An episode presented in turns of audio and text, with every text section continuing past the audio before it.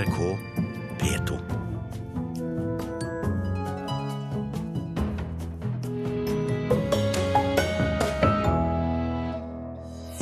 Rekordmange klager på banning i radio og TV. NRK vurderer egne banneregler. Forskere bruker tegneserie for å nå ut til et nytt publikum. I dag kommer the Somalis på norsk. Og flere arkitekter vil plassere nytt teater på Kaien i Stavanger. Mål om nybygg i 2025. Og en animasjonsfilm om barn med foreldre i fengsel har vunnet Kulturdepartementets menneskerettighetspris. Og du møter filmskaperen her i Kulturnytt, hvor Elisabeth Tøtte Hansen sitter i studio.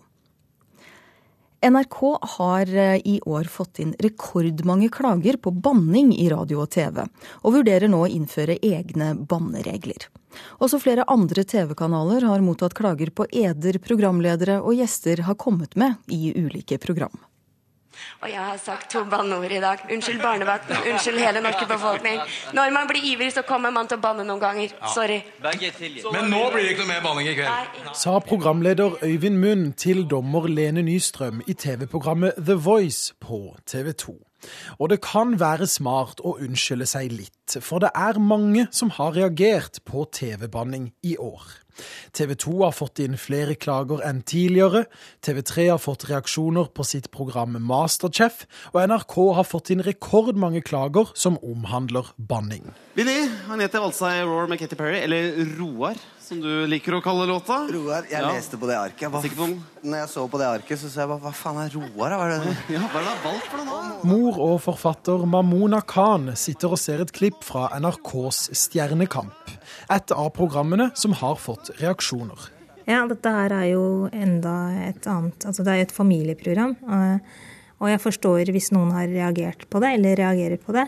Khan mener det bannes for mye på TV, og reagerer spesielt på tabuord i familieprogrammer. Ja, nei, altså selvfølgelig når eh, familien samler seg, og du, når du først da setter deg ned og ser på TV, eh, og det, at det bannes da, eh, så blir det selvfølgelig vanskeligere å si til ungene etterpå at det det der det er ikke lov, fordi at det kan du bare ikke gjøre. Khan mener de som produserer TV-programmene bør ta mer hensyn til hvem som sitter og ser på. Det mener også professor i språk ved Universitetet i Agder og nestleder i Kringkastingsrådet, Sylfest Lomheim, men han syns likevel vi bør tolerere noe banning. Det er klart at i de programmene som blir sendt ut eh, fra NRK som programtilbod til det store allmennpublikum, så er det jo opplagt at det kan forekomme banning både i filmer og i teaterstykker, og kanskje til og med i eh, bestemte underholdningsprogram. Og hvorfor skal det være slik? Jau, svaret er veldig opplagt. Det er fordi at banninga, enten folk liker det eller ei, er en del av vår vanlige språkbruk. Jeg er opptatt av at vi skal ha sånne holdninger og regler å forholde oss til når det gjelder dette. Distriktsdirektør og nyvalgt leder av språkstyret i NRK, Grete Gynhild Johnsen, forteller at NRK i dag ikke har noen klare regler når det gjelder banning, men at det nå skal vurderes å innføre slike retningslinjer. Men jeg tenker at NRK skal være ganske streng med hvorvidt vi skal tillate bannskap i programmene våre. Derfor så har jeg sjøl tatt initiativ til at vi skal diskutere i språkstyret og i et strategimøte vi skal ha med alle språkkontaktene landet rundt, at vi må diskutere om vi skal lage noen tydeligere retningslinjer som sier noe klarere om hvilke holdninger NRK skal ha til bannskap i våre programmer. I programmer som blir sett av, som man vet er en mainstream eh, underholdning, hvor eh, familier ofte samler seg kanskje for å se, så bør man kanskje ta noe hensyn, da. Sier Khan. Hun mener kanalene bør vurdere å vise advarsler før programmer som kan inneholde banning. Uansett håper hun at barna blir mer skånet for banning i fremtiden. Men det handler om hva, eh, hva vi ønsker, og når vi ønsker at våre barn skal bli utsatt for denne typen språk. Reporter var Christian Ingebretsen.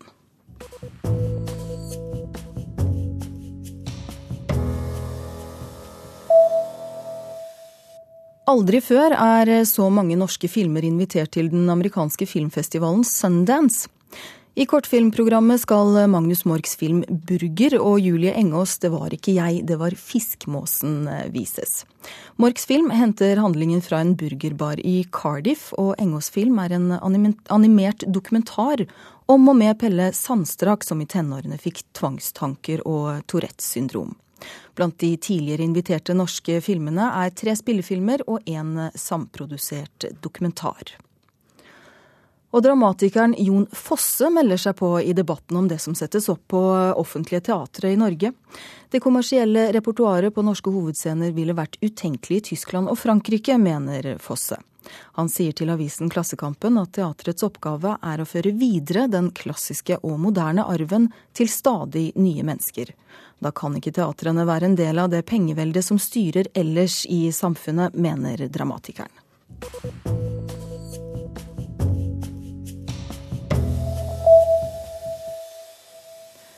I dag kommer tegneserien Meet the Somalis ut eh, på norsk. Den samler 14 historier fra somaliere i ulike europeiske byer, og to av historiene er fra Oslo. Tegneserien bygger på en rapport fra Open Society Foundation og Institutt for fredsforskning med deg, Cindy Horst, i spissen. Og hvorfor har dere valgt å bruke tegneserier som medium, som medium nå for å formidle forskning? Ja, det er jo uh, Open Society Foundation som uh, vi fikk oppdrag uh, fra å skrive den rapporten. Og samtidig snakket vi også med Benjamin Dix og Lincy Pollock til å lage den tegneserien. Så det var ikke vi som tenkte på det, men samtidig var det jo veldig bra at vi har en annen måte til å formidle for forskningen vår. Så vi var veldig begeistret faktisk fra ja, og jobbe med tegneserier. Ja, for hva, hva, er målet da med å bruke en, en, sånn form for formidling? Det er jo ganske nytt. Ja, så man jobber jo eh, noen ganger med bilder eller uh, dokumentær eh, også. Og vi er veldig Forskningsrådet f.eks. For spør oss mye og, snakke og jobber med sosiale medier også. Men tegneserie det er virkelig nytt og unik. Og det er jo så bra fordi det er en stort publikum som Eh, kan bli engasjert eh, eh, på den måten. Så det, det syns jeg er veldig fantastisk, faktisk. Ja, At man da når et, et nytt publikum med dette her? Ja, ja, for det er jo ikke alle som skal lese vår rapport. Som, som er jo interessant nok, men det er så spesifikk. og det er kanskje de som jobber med inkludering, de, de er interessert i det. Men tegneserier, det er jo alle som, som vil lese det. Ja, og, og, denne rapporten som serien bygger på, den, den handler, bygger på eh, somaliske, eller handler om somaliske minoriteten i Norge. Hva er det som kommer fram i rapporten? Um, en av de største funnene det er jo at eh, mange føler seg ekskludert i eh, norske samfunn. Uh, fordi vi det, det hele med det nye norske vi det er jo en prosess som, eh, som, skjer nå, men det er ikke helt ferdig ennå. Så det er mange som ikke kommer fra Norge eh, opprinnelig, eller foreldre kommer ikke fra Norge, føler at de ikke får lov å være del av norske samfunn på samme måte som de som, som er født i Norge og har norske foreldre. Og det er jo altså da to av disse tegneseriene som, som handler om familier i Oslo, eller historier fra Oslo. Hva, hva er det de, de, handler om? Ja, så det er det Feid, eh, en av dem, som eh, er en ung mann. Kommer fra Somalia og eh, hadde opplevd veldig mye traumatisk. Og kommer da til Norge og må vente og vente og vente. Så han blir veldig frustrert og blir konfrontert også med mye som skjedde i Somalia. Han tenker veldig mye om det. Uh, og da får han endelig uh, Ja, da får han lov å, å bli uh, i Norge. Men da realiserer han at det ikke er slutt med ventning, for, for, fordi han får fortsatt ikke jobb. Og, så det er veldig sånn historie om en ung mann som vil bidra, men kan ikke fordi han må vente. Det tar tid. Og så er det en historie til. Ja, det er Amir. Eh, Amir og familie. Eh, og han kommer fra Somalia med universitetsutdanning. Og eh, ja, sliter også litt. Men den historien handler mye mer om familie og identitet, og hva skjer med ungene. Så de reiser tilbake til Somalia. Og det er en veldig morsom historie om hva skjer mellom foreldre og, og ungene. Som handler om ja, hvor, hvor hvor er vi, og hvem er vi faktisk? Er vi norsk, er vi somalisk? Ja. Men du da, helt til slutt, er, dette fremtidens uh, måte å formidle forskning på, tror du? Uh, for noen forskning er det jo mulig å, å, gjøre det på den måten, og det er veldig morsomt. Men uh, vi må jo også jobbe med andre måter til å formidle. Men det er veldig spennende, i hvert fall. Og i dag så kommer altså tegneserien the Somalis. Takk skal du ha, Cindy Horst, forsker ved Institutt for fredsforskning. Nå over til Stavanger, for et uh, nytt teaterhus i Stavanger bør plasseres ut mot sjøen, mener flere av arkitektene som jobber med ny sentrumsplan for uh, byen. Det eksisterende bygget er en psykisk prøvelse for de som jobber der, sier teatersjefen, som håper på et nybygg Stavanger, til Stavangers 900-årsjubileum i 2025. Og han flytter gjerne til havnefronten. Jeg ser det det strekket. Men det nye teatret Et av de andre store grepene vi har gjort, er å plassere teateret i Østre Haugen. Et nytt teaterhus var med i visjonene til flere av de fem arkitektgruppene som denne uka kom med innspill til ny sentrumsplan for Stavanger. Rogaland teater ønsker seg nybygg, og sjøfronten er beste alternativ, mener Randi Augenstein fra arkitektkontoret Helen og Hard. Vi har plassert det på Bekkhuskaien nede i havnefront. Hun vil ha en teaterpir øst for hurtigbåtterminalen, med teater teater, barnemuseum og barnehage. Vi tenker at det er en perfekt plassering i forhold til størrelsen på tomta. Og det ligger også veldig fint plassert i innseilingen til Stavanger. Og det kunne vært med til å revitalisere hele havnefronten, som vi mener trenger et løft. Vi har tatt vekk eh, parkeringshuset på Jorunholmen. Sier Liv Kristine Ruud fra Link arkitektur. Hennes gruppe har også plassert teaterhuset i Østre havn. Målet med sentrumsplanen er å få flere mennesker til å bo, jobbe og handle i sentrum. Og teatret hører naturlig med i bildet, mener Ruud. Vi som publikum opplever teatret mest på kvelden, men teatret er en arbeidsplass som er aktivt hele dagen. Du lager rett og slett et nytt sted. Og teatersjef Arne Nøst ved Rogaland teater synes det rett og slett er deilig at nytt teaterhus nå har blitt et tema som diskuteres. Det synes vi er deilig, for det begynner å bli konkret. Vi har et romprogram i dag på 18 000 kvadrat. Det kan stables i ulike høyder. Eh, et fotavtrykk eh, på størrelse med Konserthuset er nok sannsynlig.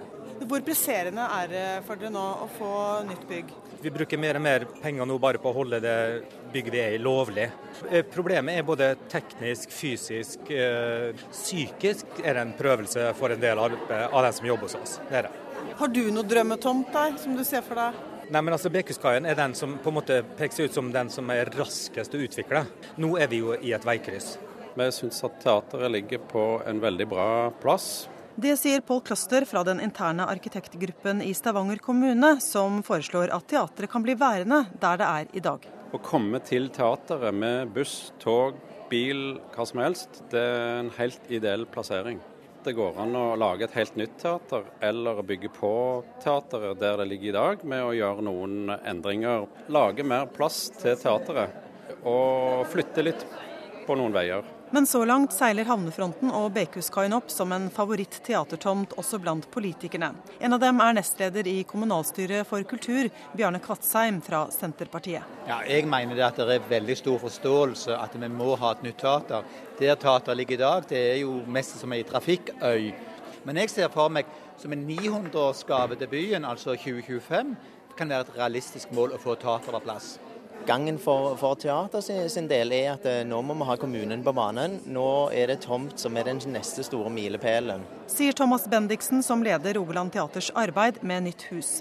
Asplan Viak har vurdert ulike løsninger for teatret, og anbefaler en såkalt kompakt variant med et teaterhus på flere plan. Hva som blir forslaget i den nye sentrumsplanen får vi vite når den legges fram til våren, sier prosjektleder Kristin Gustavsen. Nei, historisk så er det en av de viktigste byggene i et sentrum. Så det er klart at Vi skal strekke oss langt for å få det til. Nå er riktignok vår jobb å finne arealet. Vår jobb er ikke å debattere hvorvidt man skal ha et nytt teater, men eh, vi skal ta ansvar for å finne god plassering av det. Reporter var Anette Johansen Espeland.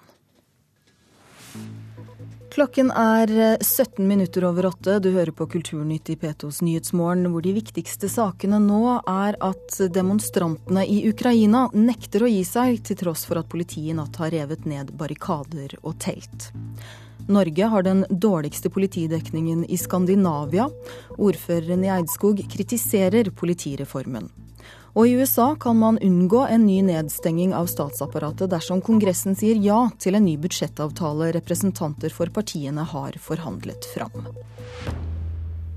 Pappa smuglet narkotika, og derfor ble han satt i fengsel. Og så skal han sitte der i 13 fengselsår. Og nå har det gått et år. Så nå er det tolv år igjen, og da er jeg 22. Ja, dette her var en eh, liten snutt fra animasjonsfilmen 'Du velger selv', som i eh, går vant eh, Kulturdepartementets menneskerettighetspris for kortfilm. Prisen er ment å inspirere til kunstnerisk eller dokumentarisk behandling av menneskerettighetsspørsmål på film, og deles ut annethvert år, og er på 50 000 kroner. Og i, det, og i, år var det altså filmen 'Du velger selv' om barn med foreldre i fengsel som vant, og den er laget av deg, Kajsa Næss, filmskaper. Gratulerer med prisen. Jo, takk. Du, hva betyr det for deg å få en eh, menneskerettighetspris for denne filmen? Det er jo en eh, veldig fin pris å få. Eh, og særlig for, fordi at vi har jobbet med et, dette temaet. At, og at det er en film som, hvor temaet er veldig viktig, så syns jeg at det er en veldig fin påskjønnelse. Kan du fortelle litt om hva slags film dette er? Det er jo helt sånn praktisk så er det jo en animert eh, dokumentarfilm. Altså at den er tegnet? Ja, den er tegnet. Og vi har gjort intervjuer med barna. Og så har vi tegnet barna istedenfor å, å filme dem. Uh, ja. men, så, men, dere har brukt stemmene deres? Stemmene er helt ekte, og det er det de sier. De som forteller sin historie. Ja, hva, hva slags effekt gir det inn i, i, filmen da, når du har disse tegnede barna, men det er, de, det er stemmene fra de som opplever dette her, som er der? Jeg eh, syns jo at vi kommer veldig nær barna da, når det er de som snakker, istedenfor at det er tenkte karakterer. Og, og, eh, de forteller jo kjempefine historier. De er veldig flinke, de ungene, til å snakke og fortelle om hvordan de opplever det. Så det syns jeg på en måte bevarer ja, den nærheten og at det er Vi er klare for at dette er ekte, da. Ekte historier. Hvorfor valgte du akkurat det grepet når du skulle lage filmen? Eh, nå er jo jeg animatør, så jeg jobber jo med animasjon, så det er jo litt nærliggende for meg å bruke det. Men jeg er veldig glad i uh, animert dokumentar, for jeg føler at man kan ja, man kan komme ganske nær de tingene som man uh, lager film om, og man kan uh, være ganske fri i hvordan man presenterer det visuelt, da. Det liker jeg. Hva med da å, å, å, lage selve filmen? Hvorfor ville du det? det? det? er jo et vanskelig tema på mange måter. Ja, det var eh, For det første så ble, var det så overraskende for meg å høre at det var så mange barn som var berørt av denne situasjonen. Og eh, at det alltid, når man snakker om, om straff og fengsel, snakker man om, om de som har gjort det, eller om det er riktig eller galt at de sitter i fengsel, eller eh, eller hvordan fengslene skal bygges opp, eller man snakker om sånne ting. Og hvor lenge man skal sitte i fengsel. Men man snakker liksom aldri om eh, de som er rundt de som har, sitter i fengsel. da. Og kanskje særlig barna. Tror de, har, de hadde jeg aldri hørt om når jeg eh, fant ut at det var så mange barn. Så da syntes jeg at det var viktig å fortelle deres historie. Og så man være helt fri for eh, politikk, på en måte. da. Så dette er helt sånn bare rett fram deres historie. Ja, og Juryen de skriver også i sin begrunnelse at de håper prisen kan være med på å synliggjøre retten til ikke å bli mobbet. Hva syns du om det? Jo, Det syns jeg er kjempefint. Fordi at øh, Jeg tenker jo at jo mer vi snakker om dette her, fordi det er et sånn tabubelagt område, at det er ingen som snakker om det, folk forteller ikke om det, og det er så flaut og pinlig. og Folk syns at hvis du har sitt, faren din sitter i fengsel, så kommer du til å gjøre det, og da er du også en skurk. og Det er så mange sånne tradisjonelle ideer rundt det. da. Og hvis vi kan snakke litt mer om det, så vil vi jo sannsynligheten for at vi eh, ikke blir så mye mobbing, er jo ganske stor. Så jeg tror det er viktig å snakke om det helt klart viktig å snakke om, for ellers hadde du helt sikkert ikke fått denne menneskerettighetsprisen for filmen din. Tusen takk skal du ha, Kajsa Næss, som altså er filmskaper og har laget filmen Du velger selv, om eh, barn med foreldre som sitter i fengsel.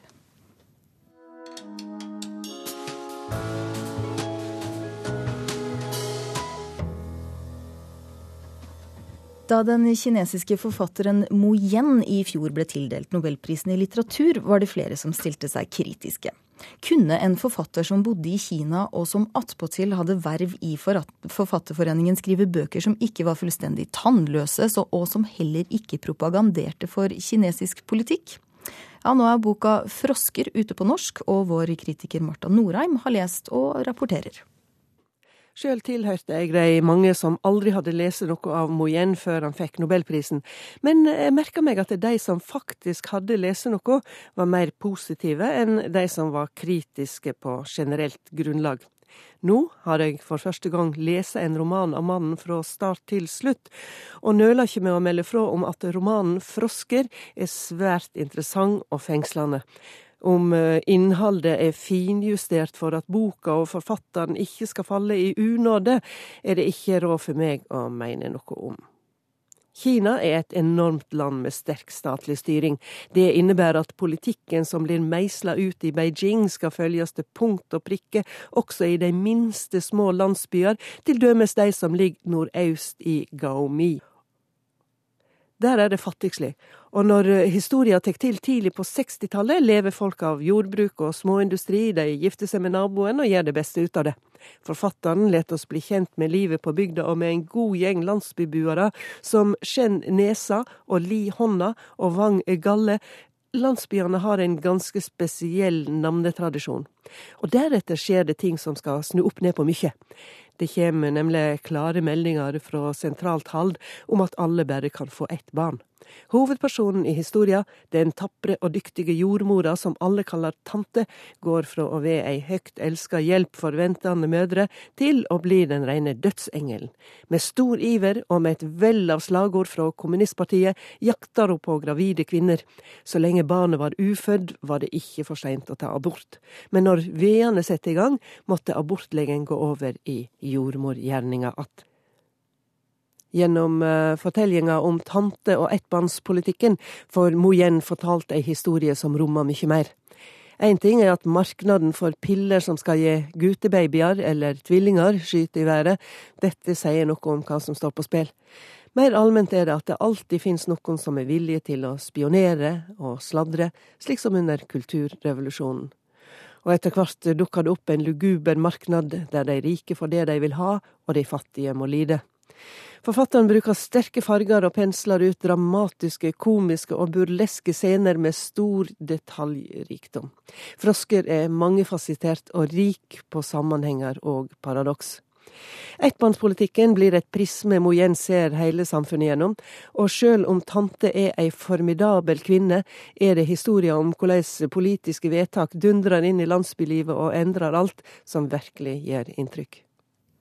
Ja, det sa kritiker Marta Norheim om romanen 'Frosker' av den eh, kinesiske nobelprisvinneren eh, Mo Yen. Og boka den er oversatt fra kinesisk av Britt Setre og Bent Bendiksen. Vi tar med en melding mot eh, slutten av sendinga her, for flere artister trekker seg fra Frelsesarmeens grytekonserter pga. organisasjonens holdning til homofile. Jeg kan ikke støtte en organisasjon som går så imot det jeg tror på, sier Idol-artisten Martine Rygvold til Adresseavisen. Etter at det ble kjent at Are Verås ikke får være korpssekretær i Frelsesarmeen fordi han er homofil og har kjæreste, valgte Rosenborg å kutte sin støtte til organisasjonen. DDE sier imidlertid til avisen at de vil spille konserten lørdag som planlagt. Så til filmen Johan, for etter at oppmerksomheten rundt filmen Johan la seg, er det stadig færre som velger å gå barnevandringsstiene på Sørlandet. Stien som går gjennom ni kommuner på Sørlandet er merket og byr på mange historier om barn som måtte vandre langt og slite hardt for å overleve. Nå vil ildsjelene bak barnevandringsstien ta opp kampen med andre turistattraksjoner for å gjøre stien mer kjent. Du er nødt til å reise, far. Pass på deg selv. La det være en inne. En stor en. Barnevandringene. En del av vår historie som mange ville holde skjult. Filmen 'Johan' om barnevandringen på Sørlandet hadde premiere i 2010 og ble sett av 120 000 nordmenn. I forbindelse med filmen ble det også åpnet en barnevandringssti mellom Kvinesdal og Grimstad. Denne stien på 13 mil, den er vel verd å ta en tur på. Der ligger mye historie, sann historie i hvert steg du tar. Men tre år etter filmens premiere virker det som om stien glemmes gradvis. Det forteller ildsjel Tyra Ågedal.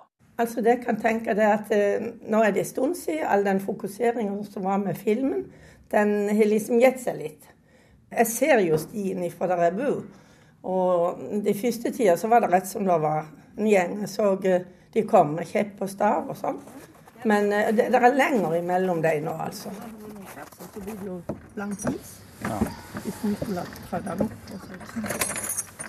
Den merkede stien går gjennom ni kommuner på Sørlandet. Den har som mål å øke kunnskapen om arbeidsvandringen som fant sted på 1800-tallet, der barn gikk opp mot 20 mil fra de fattige indre bygdene i Vest-Agder til de rikere gårdene langs kysten. Ikke helt ufarlig for barn ned i niårsalderen. Vi kan jo bare bo her. Vi må reise til Arendal. Der går det skole til Amerika. Nå håper Tyra Ågedal en brosjyre og en ny bok kan vekke ny interesse for barnevandringen. Når jeg reiste rundt rett etter filmen og før filmen, så hadde jeg et lite oppsett som jeg hadde foredrag på. Der var jeg, jeg var rundt på 40 plasser, tror jeg. Og alle de plassene fikk jeg historier. Og de historiene de har jeg samla inn og har levert det til Paul Sveinald, som er historiker. Og han arbeider nå med ei bok. Og jeg mener absolutt at når den boka er ferdig, så vil det bli en ny interesse for det. Reporter var Tom Nikolai Kolstad. Da er eh, Kulturnytt slutt for denne morgenen, og du har bl.a. hørt at en animasjonsfilm om barn med foreldre i fengsel har vunnet Kulturdepartementets menneskerettighetspris. De som hadde sendinga, var produsent Gjermund Jappé, tekniker Hanne Lunås og programleder Elisabeth Tøtte Hansen.